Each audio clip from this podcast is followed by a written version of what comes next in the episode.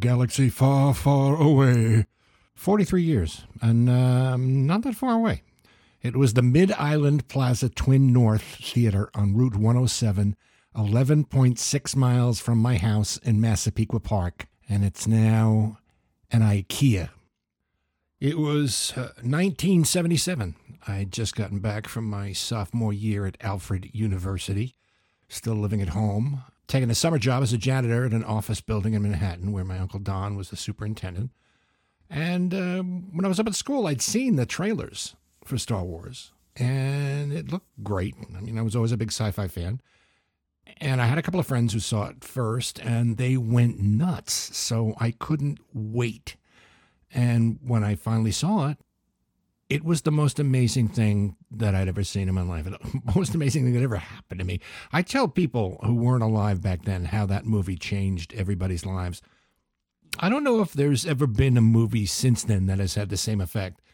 If I could re experience moments in my life, how I felt when the credits rolled after the first time I saw Star Wars would be right up there um, with the first time I ate a sheet cake for breakfast. Part of the reason for the huge reaction to the movie was because it hit everybody on this universal primal level because it was an almost point by point perfect myth the whole Joseph Campbell thing about the hero's journey that you learned in English 301. No matter who you were or what you were, you could identify with it, and you shared that with everybody else in the theater, which was packed, by the way, for pretty much the entire summer because there weren't any multiplexes. There were there were single theaters. The North and South were individual theaters, and if I remember correctly, only the Twin South showed Star Wars. Matter of fact, I think it was one of the first theaters to show it at all because Star Wars didn't go into wide release until August. But from opening day, May 25th, until almost Christmas, if I remember right, the Twin South showed Star Wars. I don't know what they showed at the Twin North that May. I think it might have been Smokey and the Bandit or something like that. And they only had five or six showings a day, and every single one of them was sold out. And these were full size theaters, the 2,000 seats and they had a 70 millimeter screen, and you'd have to wait online outside for at least an hour to get a ticket to get in. Uh, with Avengers Endgame, it was playing in five of the 10 theaters at your local multiplex in a 700 seat theater, maybe 400 seats. And there were about 80 showings a day. But I'm glad we didn't have those back then. Because in a big auditorium in 70 millimeter with the hi fi stereo sound, it was the only way to have seen that first Star Wars movie. Obi-Wan, we meet again at last. The circle is now complete. When I left you, I was but the learner. Now I am the master. Only a master of evil, Darth. There really is nothing to compare to that first movie. Not even the, the two sequels. I mean, Empire Strikes Back was okay. It's usually considered the best Star Wars movie, but I didn't like the fact that they left what was going to happen to Han up in the air, you know. But it did have one of the greatest twists in movie history. I am your father. Darth Vader being Luke's daddy. There wasn't as big a spoiler as that since Soylent Green was made from people, and before that was like Rosebud was his sled. But it got ruined for me not by you know, that guy we all know who lets it drop in conversation. Oops, you know, the one, you know, the same one who reminded the teacher she forgot to give homework, you know, and the dork you're online behind who's seeing the movie for the second time and is trying to impress his girlfriend by discussing plot points. No, I got it off a billboard where somebody actually got up on the roof of a building and graffitied Darth is Luke's father. You really have to be a colossal asshole to go out of your way to do something like that. And by the way, Tony Stark dies, just in case you haven't seen Avengers Endgame yet. Empire was okay. Some of the sequences were cool, like the, the giant at at walkers and the big snow battle, and and Billy Dee Williams, who is the first, maybe only person of color in the first trilogy. Uh, the introduction of Boba Fett, and the great line. I mean, the takeaway line from the movie. I love you. I know. But here's where, for me, George Lucas starts falling off the rails. And I know all you Star Wars nerds are going to hate me for this, but it's about Yoda. Great character, iconic, just as iconic as Luke and Leia and Han and Chewie and the Laurel and Hardy robots. Yoda's supposed to be among the most powerful members of the Jedi. 900 years old, wise sage, strong with the Force, the little itty bitty green life form that trained Obi Wan Kenobi and Luke. A formidable character. And he's a fucking hand puppet. With all the groundbreaking special effects that were in the first movie, all those magical things like the lightsaber, the coolest weapon in movie history, by the way, cooler than the bolt gun in No Country for Old Men, cooler than Indiana Jones' whip, cooler than the noisy cricket gun in Men in Black, cooler than Thor's hammer, even cooler than, dare I say it, James Bond's Walther PPK. Yeah, I said it. Anyway, you have all these really inspired, amazing bits of cinematic trickery. So, what do we get for the greatest Jedi Master of all time? A Muppet. Frank Oz. Fozzie Bear, Miss Piggy, Cookie Monster, Bert of Bert and Ernie, and Grover, which is exactly who Yoda sounded like to me and took me out of the movie. Do this. You take any Grover scene from Sesame Street, do a little creative editing to make the sentence structure Yoda ish, and you can hear it. Waiter, there's a fly in my soup. Could you do something about it? In your soup there is a fly? Yeah. Do something about it instantaneously, sir. Hello, everybody. With you may the force be. And the third movie comes along, and at the time, we all assumed that that was all it was going to be. You know, three movies. Return of the Jedi is released. And after five years and billions of dollars, we discover George Lucas has gone to the dark side officially. He's surrendered to the force of merchandising.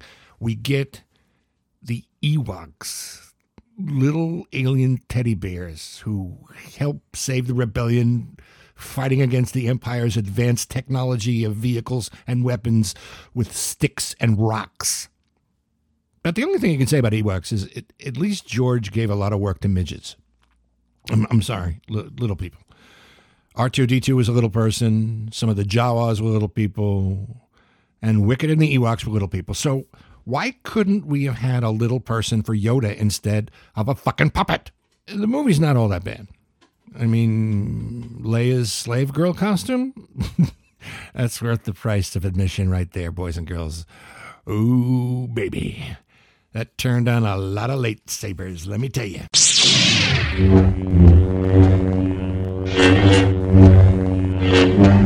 But as troubling as some of the last two movies of the original trilogy were, they were legendary, beautiful classics that should have been preserved. But oh no. 1997, the 20th anniversary of the trilogy, and Jorge Lucas decides to make some changes and edits, releases the special editions on video. But the worst thing to ever happen in cinematic history, well, second worst. I'll get to the single worst thing to ever happen in cinematic history in a moment when we discuss the second trilogy, which is really the first trilogy, which is, oh, we'll get to that. The second worst thing to happen in a Star Wars movie is Jorge adds a blaster shot in the cantina scene, so it seems like Han didn't shoot first. Over my dead body. Uchleniuma. Chespokututa Krista Krenko. Jak Oscar. Yes, I bet you have. Over my dead body. Uchleniuma. Chespokututa Krista Krenko. Jak Oscar. Yes, I bet you have. Makanki.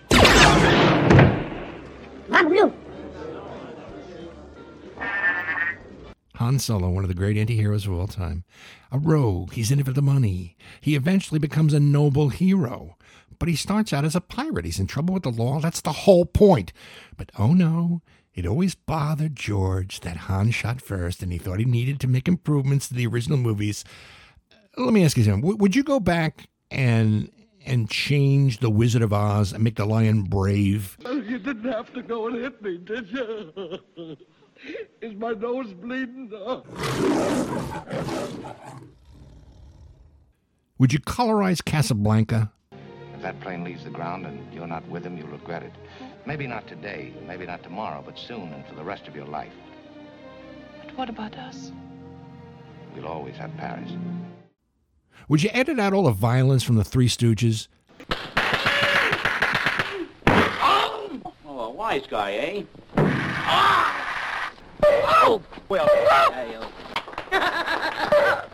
No, because then you'd have 30 second long movies. Horge decided to fuck with the universe he created. Why? Because he could. It was his sandbox, and he turned on his friends, and if he didn't like it, he was going home and he was taking his ball with him. The re releases were ostensibly to create demand for what George was going to foist upon the world in just a scant two years, when in 1999 he released Episode 1 The Phantom Menace. The first trilogy, as we knew it, was, and, and the only three movies we thought, it was now the second trilogy, which was Luke's story. This one was the first trilogy. It was Anakin Skywalker's story, how he started out as a hot rodding little slave boy who eventually became Darth Vader, the single greatest villain in cinematic history, hands down. Now, The Phantom Menace, aside from having one of the shittiest titles ever, episode one is, as Comic Brian Posehn compares it, it's like when you're 40 and you stay at your grandma's on Christmas Eve and you wake up in the morning and you're watching TV and your cool uncle tries to put his wiener near your mouth. That's pretty apropos, if you ask me. That pretty much sums up what Phantom Menace is. So, the single greatest villain in cinematic history is played as a little boy by the single worst child actor in cinematic history. He won a Golden Raspberry Award for Worst Supporting Actor and retired from acting in 2001 because he was being bullied at school. And so apparently he went home and destroyed all his Star Wars memorabilia and eventually went to jail for driving without a license after failing to stop at a red light, which initiated a high speed police chase. And then he was diagnosed as a paranoid schizophrenic. So it's clear that he was almost as negatively affected by episode one as the rest of us were. This movie is a train wreck from the opening credits. You know, the, the crawl, Turmoil has engulfed the Galactic Republic. The taxation of trade routes to outlying star systems is in dispute. What? What? What?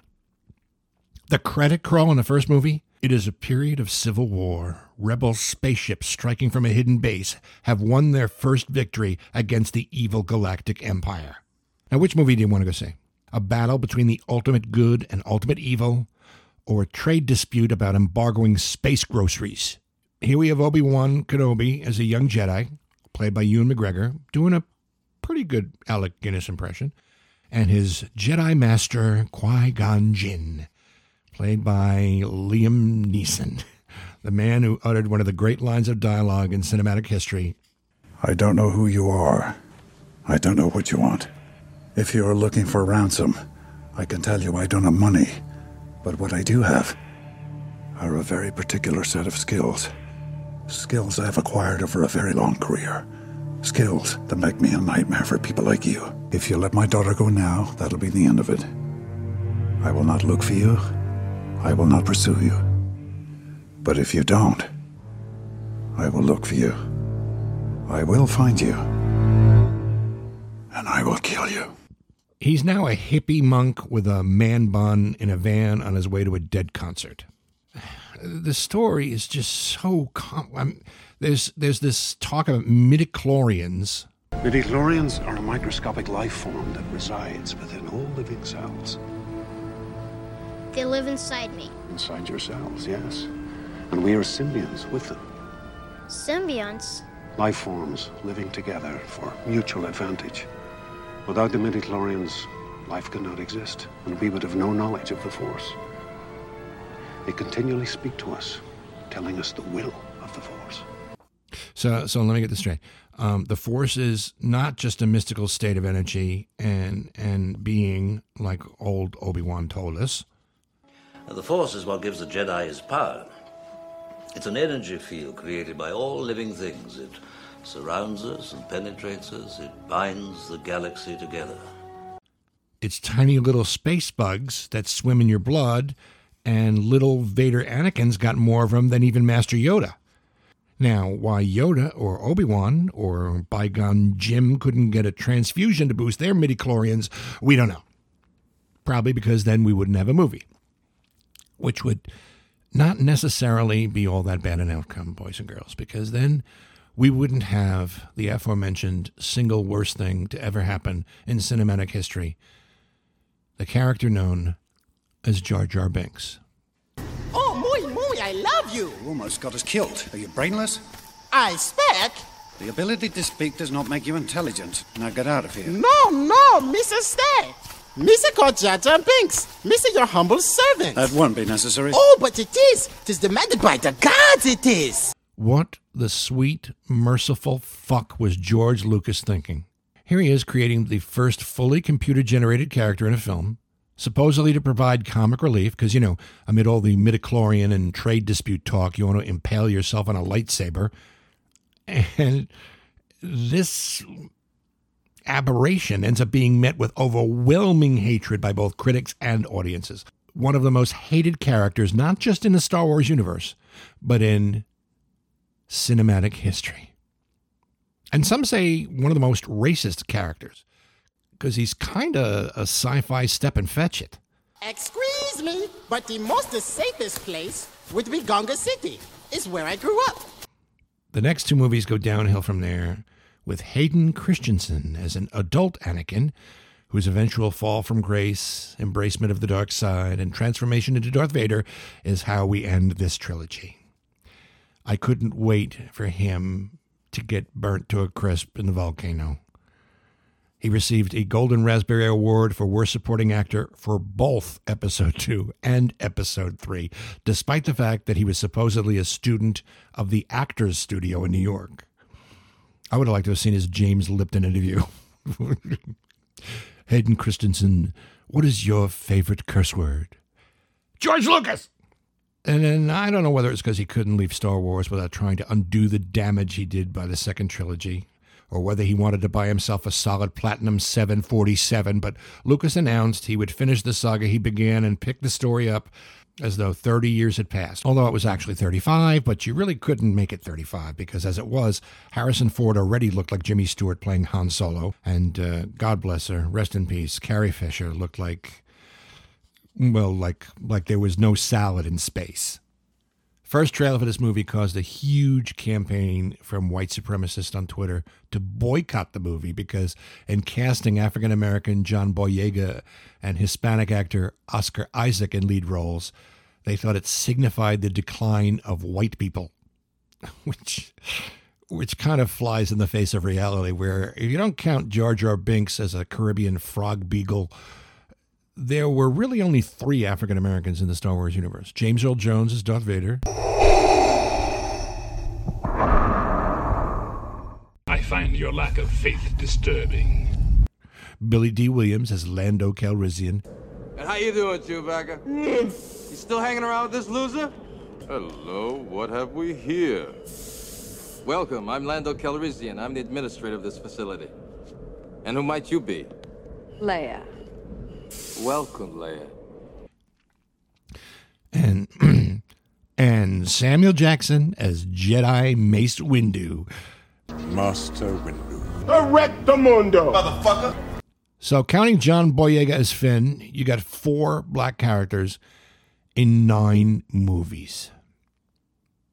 But there does seem to be a little bit of evidence that might suggest some less than politically correct characterizations maybe a little racist. Episode one, Anakin is a slave of this a Toydarian.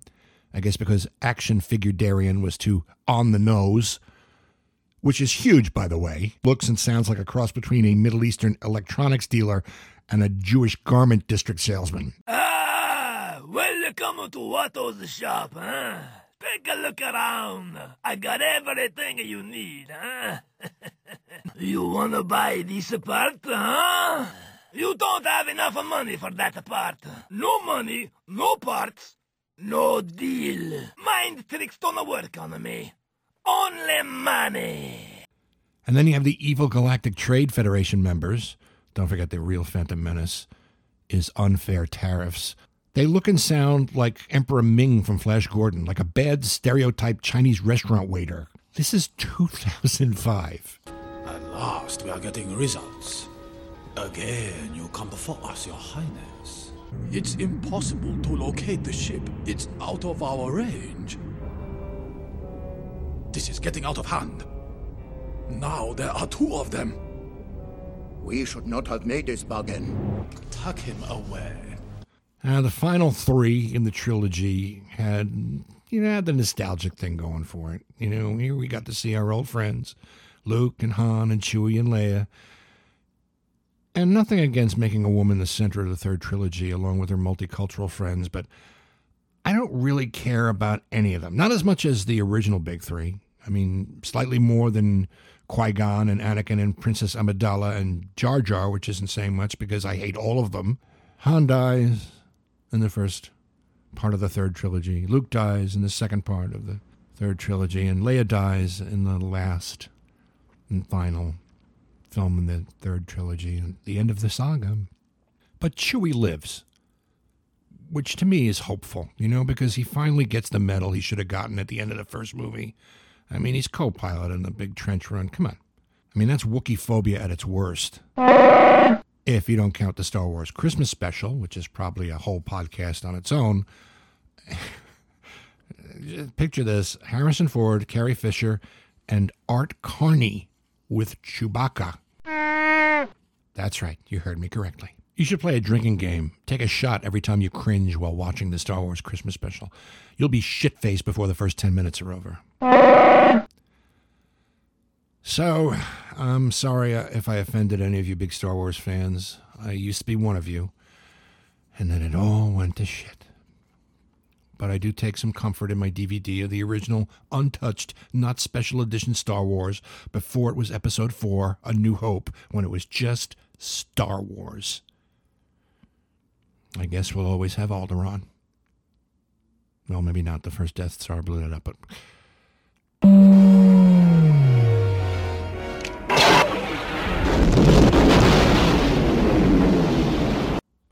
Whatever. May the fourth be with you. Do or do not. There is no try. Thanks for listening. Uh, I appreciate you putting us into your quarantine rotation of amusements.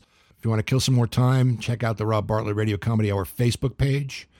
Follow us on Twitter at the Robio, R O B I O. On Instagram, Rob Bartlett Radio Comedy. Or our brand new Rob Bartlett Radio Comedy Hour YouTube channel where you can see the two new song parodies that I wrote, especially for the quarantine. Uh, they're up there. You can share them with your loved ones. Back to my old days of doing song parodies um, because I am bored to tears. Subscribe to us if you haven't already. Encourage your friends and family to do the same. Give us a good review on the Apple Podcast site. It helps get the word out to the masses. It helps people find us. And also, if you find yourself sitting at home going, wow, what Rob does, the whole comedy thing, the whole acting thing, that can't be all that difficult if he can do it. Well, if you ever wanted to try doing stand up or writing sketch comedy or acting, regular acting, comic acting, musical theater acting, and you want to get some professional advice and instruction, check out the Rob Bartlett Comedy Arts Workshop and Actor Studio. We have all manner of classes, three day intensives, master classes, private coaching for auditions, all quarantine friendly on Zoom. Uh, we have adult and teen classes. Check us out at therbstudio.com. Read all about it. Then contact us for more information. All classes and coaching are done by me, Rob Bartlett. Our program produced by Gary Grant and me, Rob Bartlett. Written by Andrew Smith and me, Rob Bartlett. Check out his his Instagram monologues, quarantine monologues. He's up to number 100. Uh, he does a different monologue every day. Funny, funny stuff. The Rob Bartlett Radio Comedy Hour theme song, music and lyrics by Gary Grant, recorded and performed by Steve Mecca. All stunts performed by me, Rob Bartlett. Mr. Bartlett's Wardrobe by Botany 500. Special thanks to Rowan Watts for the Star Wars theme episode inspiration, and Devin Bartlett in our research department to make sure we didn't make any fanboy faux pas. No animals were harmed in the production of this podcast. We will see you again on the next episode of the Rob Bartlett Radio Comedy Hour. Until then, stay safe, stay healthy, stay the fuck inside, and be good to each other, won't you? Yes, it's premiere night here for Attack of the Clones, but outside the Ziegfeld Theater is the real show Return of the Dorks. Thousands of 35 year old men waiting days, even months, for just a taste of George Lucas's table scraps. Lonely men who have never had sex, not even with a Catholic priest. And here with, uh, all right, you're dressed as uh, a huge nerd, yes? Yes. No, what, seriously, you're supposed to be. I'm what? supposed to be a Jedi. You're a Jedi Knight, yes. Yes.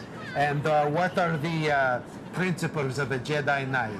To Uh, always. uh, to always defend truth and justice throughout the yes, galaxy. And to eat a lot of peanut M&Ms.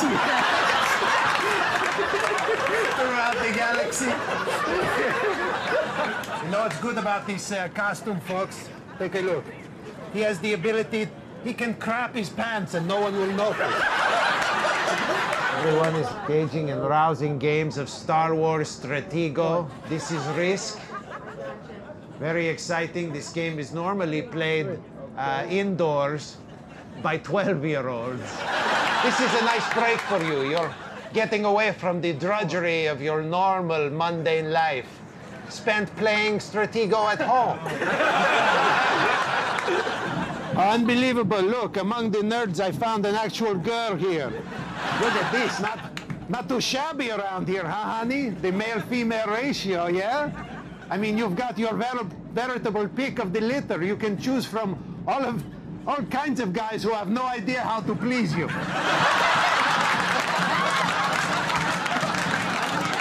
Yay. She said pretty much, yeah. Who's going to stand up to this challenge? I will. Here he.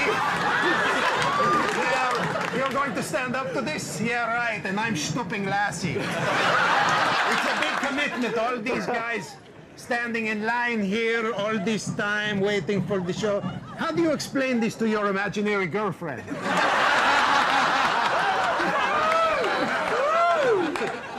Look at this one. Oh my God. You look like some kind of super nerd. You know, that was built. It looks like you were built in a laboratory out of parts from a lesser nerds. You know, like he's a bionic nerd, if you will. Jedi Obi wanna uh, whack off right now.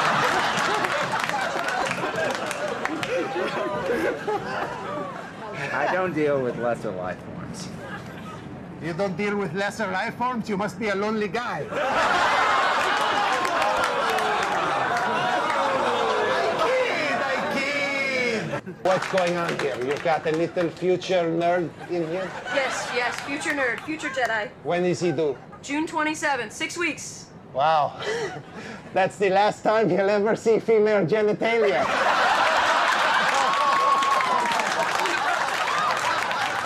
Who's feeding your pet snake and or tarantula? I would be remiss if I didn't come out here and find out what you Jedi were up to. I need not ask, of course, so. Look at this. Look at this. It's a geek from another dimension. Lord of the Rings? Lord of the Rings? Come here. I am Black Wolf the Dragon Master, New York's unofficial wizard, and don't you forget it. All right. And don't you forget to finish your fillet of fish. Oh, quiet. Dragon Master. Oh, quiet. Burger King, where all Dragon Masters eat. So you're here just to pay your respects to the Jedi? Hello. You are one uninformed hound, you know that? Uh, it's called reality, my friend. What's going on? Apparently, the nerds are looking for a Jedi to challenge the nerd from Lord of the Rings. Whichever one of you wins is the Uber dork. Not even lucky your, your, your superiors at late night even, even decided to let you out today. Seriously. Have Yes. You, have you ever talked to a woman without having to give your credit card number?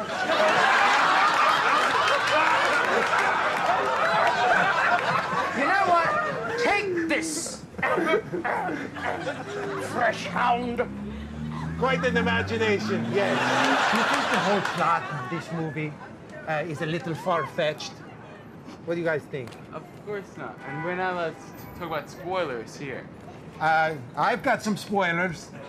You will die alone.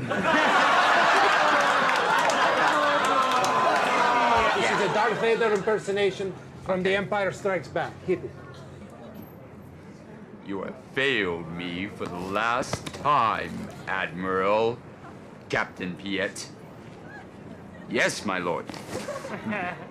Make ready the fleet and deploy it out so that nothing gets off the system. That's perfect. Sounds Thank you. exactly like it, but Bye. you're, you're not breathing heavily. No. Imagine you've just run 10 feet and you're out of breath. Very exciting. Darth Vader himself is here. All the other nerds tremble in his presence. What are you supposed to be? I am Triumph. Oh, scary nerd. This would be my chest box that helps me to breathe.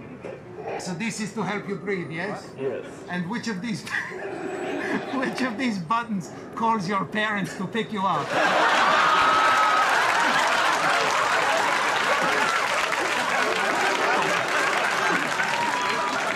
What are you supposed to be? I am a stormtrooper. You are a huge nerd. You are a hot dog. Do stormtroopers talk like 60s robots? I have no idea. You know something? You would look really good with some uh, sauerkraut and some mustard. What, on are, are you a Korean guy under there?